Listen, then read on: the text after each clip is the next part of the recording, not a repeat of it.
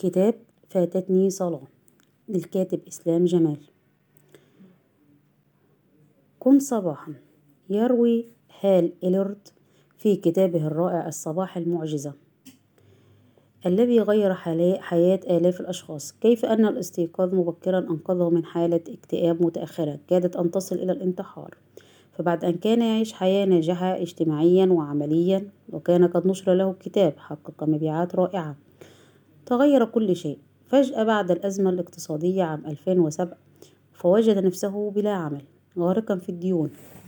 لا يستطيع حتى أن يدفع فواتير بيته حتى انتهى به الحال إلى حالة متأخرة من اليأس والاكتئاب.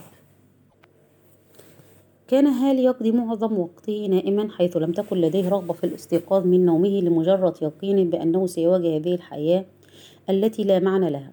وهذا حال كثير من مرضى الاكتئاب.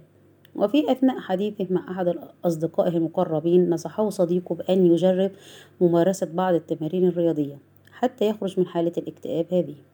ونصحه بأن يمارس رياضة الجري خاصة فهي سوف تساعده على الشعور بتحسن نوعا ما. أخبر هير صديقه أنه لم يمارس رياضة الجري قط في حياته بل إنه لا يحب رياضة الجري أصلا. ولكنه تذكر أنه أيضا لا يحب الحياة التي يعيشها فما مانع إن جرب رياضة الجري؟ هذه. ومع ظهيرة يوم العطلة الأسبوعية ارتدى هال ملابسه الرياضية وبدأ بالركض حول المنطقة التي يسكنها. كانت تجربة مفيدة بالنسبة له حتى أنه شعر أن القلق تلاشى في تلك اللحظات التي كان يجري فيها وغمره إحساس مؤقت بصفاء الذهن الذي ساعده بالبدء في التفكير الإيجابي اتجاه مشكلات حياته. أحب هال هذه التجربة ككل وعزم على ممارسة رياضة الجري بانتظام كما عزم على فعل بعض الأمور التي يمكن أن تحسن من الحياة التي يعيشها لكنه وجد صعوبة في إيجاد الوقت لفعل هذه الأمور حيث كان مشغول لدرجة أنه لا يجد الوقت لتحسين حياته. واذكر هنا مقولة الكاتب ماثيو كيلي كلنا كلنا نريد أن نكون سعداء وكلنا نريد ما الأشياء التي يجب أن نفعل نفعلها لنكون سعداء. ولكننا لا نفعل هذه الأشياء لأننا مشغولون مشغولون بأن لا نكون سعداء. لم يعتاد هال أن يستيقظ مبكرا كأغلبية سكان هذا الكوكب إلا في حالات الضرورة كالذهاب إلى العمل أو مصلحة حكومية أو من أجل اللحاق بموعد طائرة.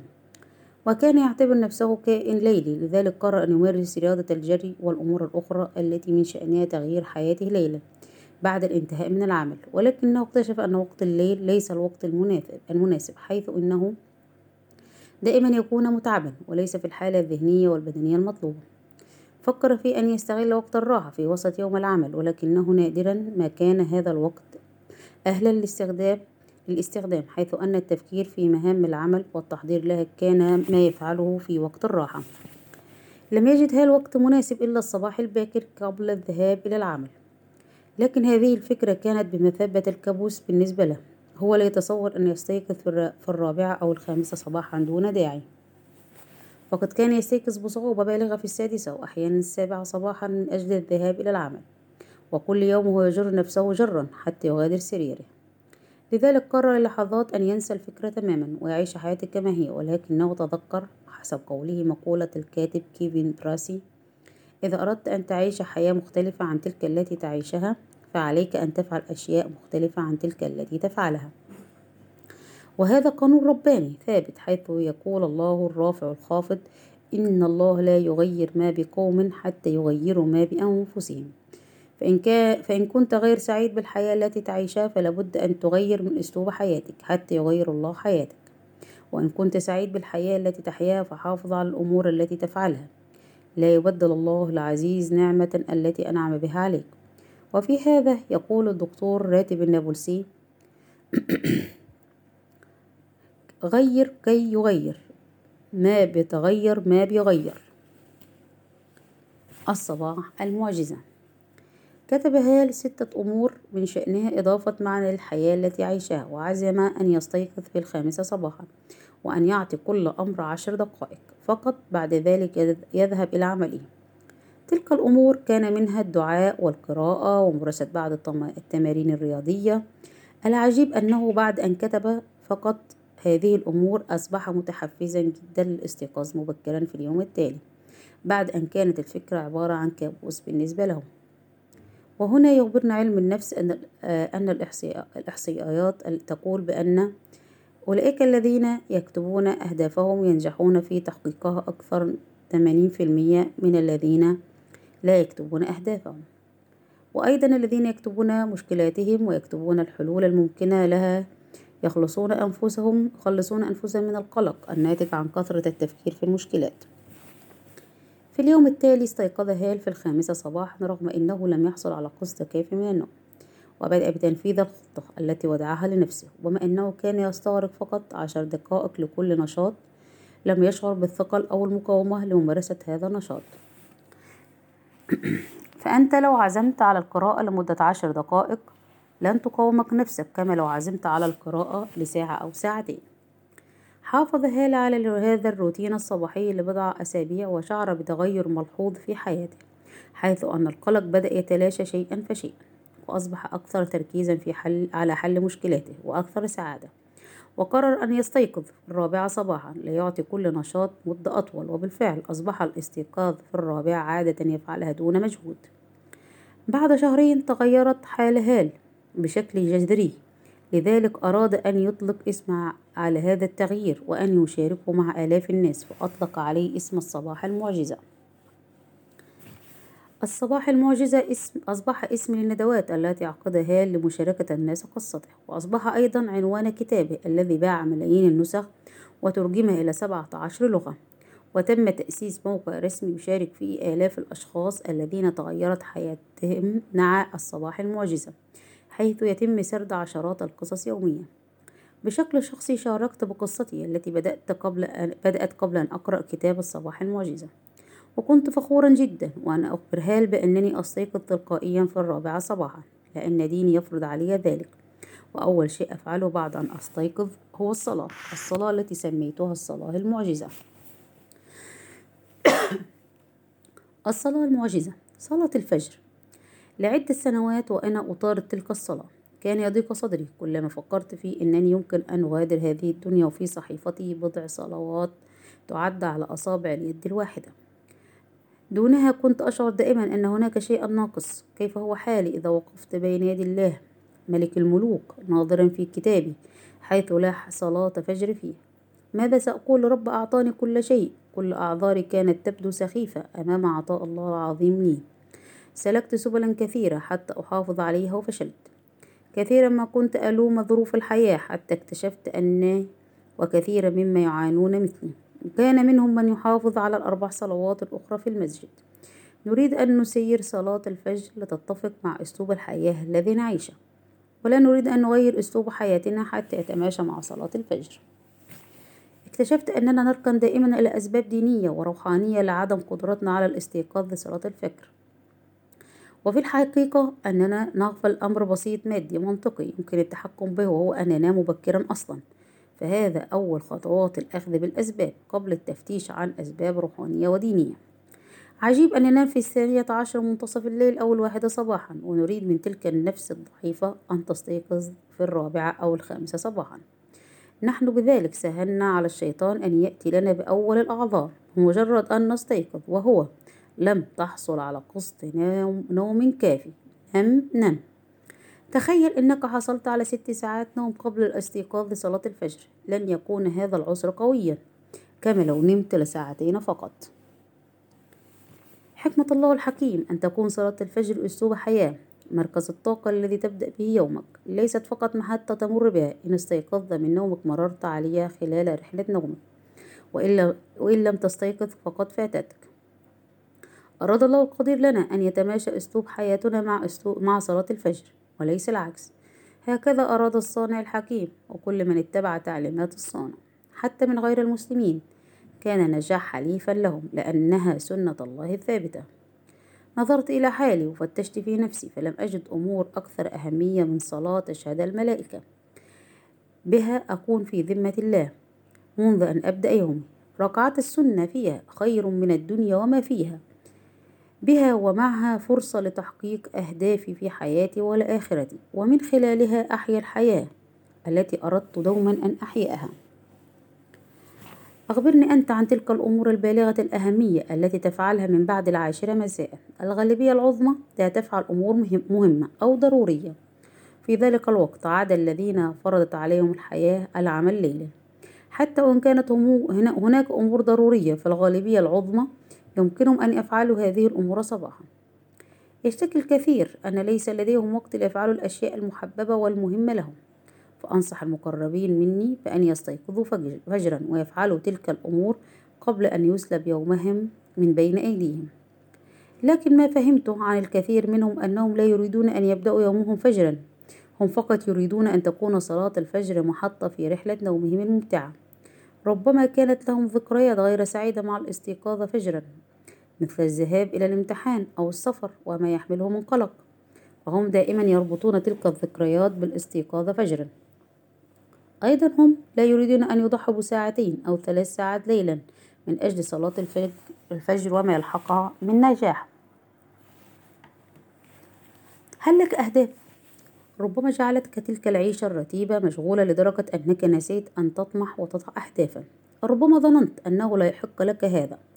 أو ربما يكون لك بعض الأهداف التي كتبت منذ سنوات فتكتفي بالنظر إليها بين الحين والآخر هل طاقت نفسك إلى أن مرة لأن تحفظ القرآن الكريم؟ هل تمنيت أن يكون لك ورد يومي من القرآن الكريم؟ هل خططت لأن تحصل على الماجستير أو الدكتوراه؟ هل تريد أن تتعلم لغة جديدة؟ هل تريد ممارسة الرياضة بانتظام؟ هل لاحظت تغير في شكلك منذ أن تزوجت؟ هل اشتريت بعض الكتب ولم تنظر فيها إلى الآن؟ هل أردت أن تبدأ عملك الخاص؟ هل تحب الكتاب ولكنك لم تكتب بعد؟ هل تريد أن تقضي وقتا أكثر مع عائلتك؟ صلاة الفجر تلك الصلاة المعجزة قادرة على تحقيق أهدافك بإذن الله التي أهملتها منذ سنين اعلم أن هناك فقط ساعة أو ساعتين من بعد صلاة الفجر حتى الذهاب إلى عملك أو أشغالك ولكنك لو خصصت تلك الساعات لتزكية نفسك والعمل على أهدافك ستتغير حياتك. ساعة الفجر هذه لا تعادلها أي ساعة. يسميها علماء النفس غير المسلمين بالساعة السحرية. ماجيك أور وإن أردت أن تعوضها في أي ساعة أخرى من اليوم لن تستطيع لأن تلك الساعة أصابتها دعوة النبي صلى الله عليه وسلم. اللهم بارك لأمتي في بكورها في دراسة أجريت على الرؤساء التنفيذيين لأنجح عشر شركات بالعالم وجدوا أن الصفة المشتركة بينهم هي الاستيقاظ بين الثالثة والخامسة صباحا. وقد قرأت سير الكثير من رجال الأعمال الذي تخطى حسابهم البنكي مليارات الدولارات فوجدت أن الاستيقاظ مبكرا صفة أساسية لهم حتى بعد أن بلغ أكثرهم عمر السبعين. وبالرغم أنهم ليسوا في حاجة إلى العمل لكن ما زالوا يحافظون على ساعة الفجر هذه. ذلك لأن ساعة الفجر غير قابلة للاختراق حيث يكون معظم سكان هذا الكوكب نائمون فلن يخترق أحد تلك الساعات التي خصصتها لنفسك لن يتصل بك أحد لن يطلب مقابلتك أحد. لذلك عندما تستغل هذه الساعة للعمل على أهداف لن تضطر أبدا إلى التأجيل بسبب أمور الحياة اليومية. اعط الصباح فرصة وانضم إلى أولئك القلة المتميزون الذين يبدأون يومهم قبل معظم سكان هذا الكوكب. وقوفك بين يدي الله المهيمن وأنت تصلي ركعتين سنة الفجر. واستشعارك قول النبي صلى الله عليه وسلم ركعة الفجر خير من الدنيا وما فيها. تلك العزة التي تغمرك وأنت تقف بين المصلين على يقين بأن الملائكة تشهد تلك الصلاة. ثم المضي وأنت تعلم أنك في ذمة الله القوي القدير. مع الصباح وفقنا الله أن أحفظ الكثير من سور القرآن. الكريم. رغم أنني أستغرق عشر دقائق فقط كل صباح لحفظ ثلاث آيات أو آيتين وقراءة تفسيرهم. العشر دقائق هذه تمكنك تقريبا من حفظ بعض الصور في أقل من شهر مثل سورة الرعد وسورة إبراهيم وسورة الحج وسورة النور وسورة الفرقان وحفظ الكثير من صور جزء عامة وجزء تبارك. هل خطر بالك يوم أن تكون من حفظة القرآن الكريم؟ أهل القرآن هم أهل الله وخاصته. عشر دقائق كل يوم تمكنك من حفظ كتاب الله تقريبا في خمسة أعوام. تخيل إنك بعد خمس أعوام من الآن أصبحت من حفظة كتاب الله. أي شرف هذا؟ قديما كنت أشعر ببعض الحزن كلما مضى عام وأتى عام حيث كان الحال هو الحال. لكن مع ذلك الهدف حفظ ثلاثة آيات كل يوم تغمرني سعادة. مع كل يوم يمضي حيث أشعر أنني أقترب أكثر من كتاب الله عز وجل. حتى وإن توفاني الله الحي قبل أن أحقق هدفي كان لي أجر النية كاملا لأنه القرآن لأنه الكريم الذي يعطي على القليل الكثير. مع الصباح لم تعد قراءة القرآن أمر أفعله كل رمضان فقط حيث أنني أخصص عشر دقائق كل صباح لقراءة القرآن. سماعا بمعنى أنني أسمع أحد القراء بينما أقرأ ما يقوله من المصحف. هذه الطريقة فعالة حيث أنها تزيد من الفهم والخشوع أثناء قراءة القرآن. العشر دقائق هذه تعادل قراءة نصف جزء تقريبا. لكن ليست العبرة بالكثرة. نتدبر الآيات ولا تنشغل بالكم. أعرف أحد الشيوخ الذي بدأ قراءة القرآن في رمضان وختمها رمضان الذي يليه حيث كان يقرأ قراءة تدبرية يقف عند كل آية ولا يكتفي فقط بقراءة تفسير المفردات. بل يبحث عن أسباب النزول ويتساءل لماذا جاءت هذه الآية بعد تلك وهكذا. جربت تلك الطريقة فتغيرت حياتي حرفيا حيث ألفت كتيب أتدبر فيه فقط عشر آيات وسميته آيات تغير حياتك. حيث ألفت الكتيب أتدبر فيه فقط عشر آيات وسميته آيات تغير حياتك. مع الصباح أصبحت مع الصباح أصبحت أقرأ تقريبا أربعين كتابا كل عام. بعد أن مضت سنين من عمري لم أتمكن فيها من قراءة بضع صفحات في كتاب. أقرأ ساعة كل يوم كل صباح مقسمة إلى نصفين. أقرأ في كل نصف ساعة صفحات كتاب. أتقنت مجلات كنت لا أعرف ترجمة أسماؤها. تقول الإحصائية أن قراءة ساعة كل يوم تعادل درجة دكتوراه في السنة. هناك كتب لا تتعدى صفحاتها المائتي صفحة. وضع كتابها كتابها فيها خيرات تزيد عن خمسون عاما. تخيل أنك تجري حوارا مع الشيخ الشعراوي رحمه الله وهو ينقل لك خواطره الإبداعية والملهمة في أهم الأمور في حياتك. أو أنك مثلا تتناول القهوة كل صباح مع الدكتور مصطفى محمود رحمه الله ويقدم لك خلاصة أبحاثه وتجاربه التي استغرقت سنين أو أنك في مقابلة مع السير ريتشارد برانسون مؤسس مجموعة شركات فيرجن وهو يعلمك كيف نجح في تأسيس أكثر من أربعمائة شركة ناجحة رغم أنه بدأ من لا شيء. الكتاب نافذة تطلع من خلالها إلى العالم. تتطلع من خلالها إلى العالم. مع الصباح ولد هذا الكتاب الذي تقرأه بين أيديك الآن وأظن أنه لولا الصباح لانفرطت ساعات اليوم من بين يدي ولن أجد وقتا لكتابته. ليس ذلك الكتاب فقط بل ملايين الكتب حول العالم ولدت في الصباح حيث ذلك السكون الذي يزينه فقط أصوات الطيور وهي تستقبل يومها ساعية إلى رزقها. مع الصباح لم أعد ذلك الشخص الذي وضعته الحياة في سباق لا ينتهي حتى نسي أنه يعيش. لا فرصة لأولئك الذين أثرهم العمل المكتبي أو متطلبات الحياة اليومية حتى زادت أوزانهم وتغيرت أشكالهم إلا الصباح. عشرون دقيقة كل صباح لممارسة الرياضة. ستغير حياتك نفسيا وبدنيا. أي رياضة؟ المشي أو الجري أو رفع الأثقال أو ركوب دراجة هوائية. اختر ما يتناسب مع ظروفك. لا تفكر في الأعذار بل فكر في الحلول. حيث لا شيء أهم من صحتك. مارس الرياضة داخل بيتك أو خارجه ممارسة الرياضة تزيد الشعور بالسعادة وتساعد في التغلب على المزاج السيء حيث يفرز الجسم مادة الأندروفين التي تساعد على الاسترخاء وتقليل الإحساس بالتوتر. أدومها وإن قل أهم الأمور في الحياة هي أبسطها وكما قالوا قطرات الماء توشك أن تفلق الصخر. الأمر ليس معقد. خصص ساعة كل صباح بعد صلاة الفجر وقسمها إلى عشرون دقيقة عشرون دقيقة عشرون دقيقة. أولها للقرآن وسماع موعظة تذكرك بالله عز وجل. ثانيها للقراءة. آخرها للرياضة. حافظ على تلك الأمور وستعشق صلاة الفجر وسيصبح الصباح جزء من حياتك. يقول سيدي عليه الصلاة والسلام أحب الأعمال إلى الله أدومها وإن قل. أيا كانت أهدافك وآمالك خصص لها ساعة الفجر هذه وداوم عليها كل يوم.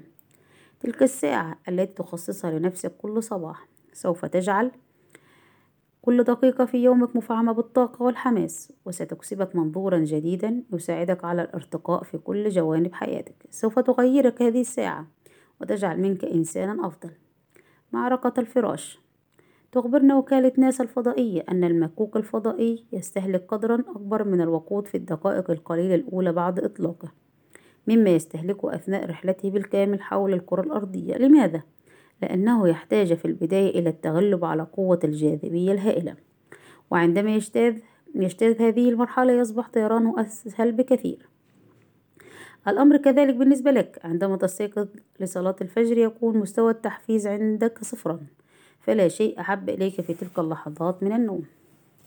لذلك الطاقة المبذولة للتغلب على جاذبية نفسك ووسوسة الشيطان في تلك اللحظة تكون أكبر ما يكون لكن بمجرد أن تتغلب عليها تصبح الأمور أسهل بكثير. أذكر الله العزيز أذكر الله العزيز اعتدل من نومك واجلد حيث يقول العلماء أن ملامسة القدم للأرض تعطي إشارة للمخ بالاستيقاظ. اذهب للوضوء وأسبغ الوضوء. ويفضل غسل الرأس بالماء حتى تستفيق تماما. حاول أن ترتدي شيئا من أفضل في ثيابك لصلاة الفجر وأن تتطيب لأنك بعد لحظات ستكون في مقابلة مع ملك الملوك الذي له كل شيء وبيده كل شيء. أيضا حسن المظهر والتطيب له أثر نفسي أن مرحلة النوم قد انتهت تماما وأنت اليوم تستقبل يومك. لا تسمح لنفسك بمشاورتك عند الاستيقاظ. نم عشر دقائق إضافية حتى تقوم نشيطا. فأنت لو نمت تلك العشر دقائق ستقوم بعدها متعبا أكثر ولا تقوى على شيء. حيث يقول العلماء أن دورة النوم العميق تستغرق ساعة ونصف حتى تكتمل. فأنت عندما تستيقظ من نومك ثم تقرر أن تنام عشر دقائق إضافية يترجم المخ هذه الإشارة على أنها بداية دورة نوم جديدة. فعندما تستيقظ بعد عشر دقائق أو حتى نصف ساعة أو ساعة فأنت لم تكمل دورة النوم. ساعة ونصف فتستيقظ أنت ولكن ما زال مخك نائما فتكون متعبا جدا. ليس لأنك لم تحصل على قدر كافي من النوم ولكن لأنك نمت باستراتيجية خاطئة. ربما جربت أنت أن هذا الأمر من قبل حيث تستيقظ فتكرر أن تنام عشر دقائق ثم تستيقظ فتشعر بتعب شديد فتنام مرة أخرى. وهكذا. فتجد أنك نمت ساعتين بشكل متقطع ولكنك ما زلت متعبا لأنك كل مرة تبدأ دورة نوم جديدة ولكنك لا تنهيها فأفضل قرار هو أن تقوم مباشرة بمجرد أن تستيقظ أول مرة. جربها. خدعوك فقالوا أن الجسم يحتاج ثماني ساعات من النوم. دع هذه الخرافة جانبا فأنت تحتاج لأن تنام مضاعفات الساعة والنصف حتى تستيقظ عند نهاية دورة النوم العميق. مضاعفات ساعة ونصف هي ثلاث ساعات أربع ساعات ونصف ست ساعات سبع ساعات ونصف تسع ساعات. فعندما تستيقظ بعد ساعات نوم تعادل أي من هذه الساعات. تستيقظ وأنت تشعر بنشاط كبير. لأن دورة النوم العميق قد اكتملت جربها. بالطبع لن تستطيع أن تحافظ على النوم مبكرا كل الأيام. فهناك أمور طارئة ستجبرك على النوم متأخرا. عندما يحدث ذلك فلا تضيع صلاة الفجر. واستخدم طريقة مضاعفات الساعة ونصف. فيمكنك أن تنام ثلاث ساعات أو أربع ساعات ونصف ثم تستيقظ لصلاة الفجر. في ظهيرة ذلك اليوم يمكنك أن تأخذ قيلولة لمدة لا تزيد عن نصف ساعة. أنا أحيانا أخذ قيلولة لمدة عشر دقائق أو عشرون دقيقة وأشعر كأنني نمت ساعات طويلة لأني أستيقظ وما زال المخ في مرحلة النوم الخفيف نصف ساعة. لو زادت القيلولة عن نصف ساعة ستشعر بتعب شديد. ربما يبدو الأمر غريبا أن تنام لمدة عشر دقائق أو عشرون دقيقة ولكن كثيرا منا جرب هذا أوقات السفر أو أثناء ركوب الحافلات حيث يغفل واحد منا عشر دقائق ثم يستيقظ وهو يشعر بنشاط كبير. والضحى. نزلت سورة الضحى على النبي صلى الله عليه وسلم في وقت لم يكن يتلقى فيه أي وحي من الله سبحانه وتعالى لمدة ستة أشهر لم ينزل جبريل عليه السلام. لم تأتي النبي أي رؤية. حتى قال المشركون أن رب محمد ودعه وقالاه أي تركه وبغضه. فأثر ذلك في نفس النبي صلى الله عليه وسلم وظن بأن الله سبحانه وتعالى لا يريده أن يكون نبي بعد الآن فكان في حالة من الحزن الشديد. عندما أراد الله الرحيم أن يبشر النبي عليه الصلاة والسلام أنه لم يتركه ولم يبغضه كما زعم المشركون وعندما أراد الله عز وجل أن يقسم بشيء يحث على الإيجابية والتفاؤل والثقة بالله القدير اختار الله الحكيم الضحى ووقت بداية طلوع الشمس فقال الله العليم والضحى والليل إذا سجى ما ودعك ربك وما قلى. وهي إشارة لنا أن ذلك الوقت الضحى الذي يأتي بعد ظلام الفجر الشديد هو مصدر للسعادة والتفاؤل والراحة النفسية. وكأن الله الودود يقدم لك دواء لكل من كبلته الهموم والأحزان. وأول وصفة في هذا الدواء هي تأمل الضحى حيث بداية طلوع الشمس التي تأتي بعد سكون الليل الهادئ وقت الفجر والضحى والليل إذا سجى. قدر عجيب من الطاقة الإيجابية والتفاؤل يسري في نفس كل من حضر هذين المشهدين مشهد سكون الليل وقت الفجر ومشهد طلوع الشمس وقت الضحى. وليس هذا إلا لهؤلاء الذين يبدأوا يومهم صباحا مع الفجر. وبينت الدراسة التي أعدها باحثون من جامعة تورونتو الكندية التي على عينة شملت 735 متطوعا من الشباب وكبار السن أن الأشخاص المحبين للسهر والذين يسمون بالليليين تتولد لديهم مشاعر التشاؤم وكثيرا ما يكون في حالة مزاجية سيئة مقارنة بنظائرهم الذين ينامون بالليل ويستيقظون مبكرا قبل طلوع الشمس مما يجعلهم يتمتعون أيضا إلى جانب هذه الميزة النفسية بجهاز مناعي قوي. وعزت الدراسة سبب سعادة وعزت الدراسة سبب سعادة من يستيقظون مبكرا إلى أنهم يعيشون حياة طبيعية ويعملون في أجواء ملائمة تساعدهم على ذلك. بعكس من يسمون بالليليين الذين يجدون صعوبة في التأقلم مع ظروف الحياة الطبيعية خاصة فيما يتعلق بأعمالهم مما يولد لديهم مشاعر القلق وعدم الرضا عن أنفسهم والآخرين. هناك مفهوم جديد في الطب يدرس توقيتات حدوث الأمراض فوجدوا أن بعض الأمراض تصيب الإنسان في ساعة معينة. يقول الدكتور حسام موافي استشاري طب أمراض القلب أن ثمانون بالمئة من جلطات القلب والمخ تحدث الساعة الثامنة صباحا. تفسير هذا أن الساعة الثامنة صباحا هي أسوأ وقت للشرايين ذلك لأنه عندما يأتي الليل تبطأ حركة الدورة الدموية. عند النوم يمكن أن يؤدي هذا البطء في حركة الدم إلى تجلطه ولكن رحمة الله القدير بنا أن جسم الإنسان يفرز مادة تعمل على تضييق شرايين الدم حتى تحافظ على سرعتها. ونرى هذا واضحا عندما نمسك خرطوم مياه ويكون تدفق المياه فيه ضعيف فتضغط على الخرطوم نضيقه حتى يزداد تدفق الماء. وجد الأطباء أن الشرايين تصبح أضيق ما يكون في الساعة الثامنة صباحا مما يسبب الجلطة. لذلك ينصح الأطباء غير المسلمين بالاستيقاظ قبل طلوع الشمس لكسر هذه المادة التي تعمل على تضييق الشرايين قبل أن تصل لذروتها وتسبب الجلطة. أخبرنا الله العزيز بها مباشرة في أذان الفجر خاصة. الصلاة خير من النوم. انتهى التسجيل.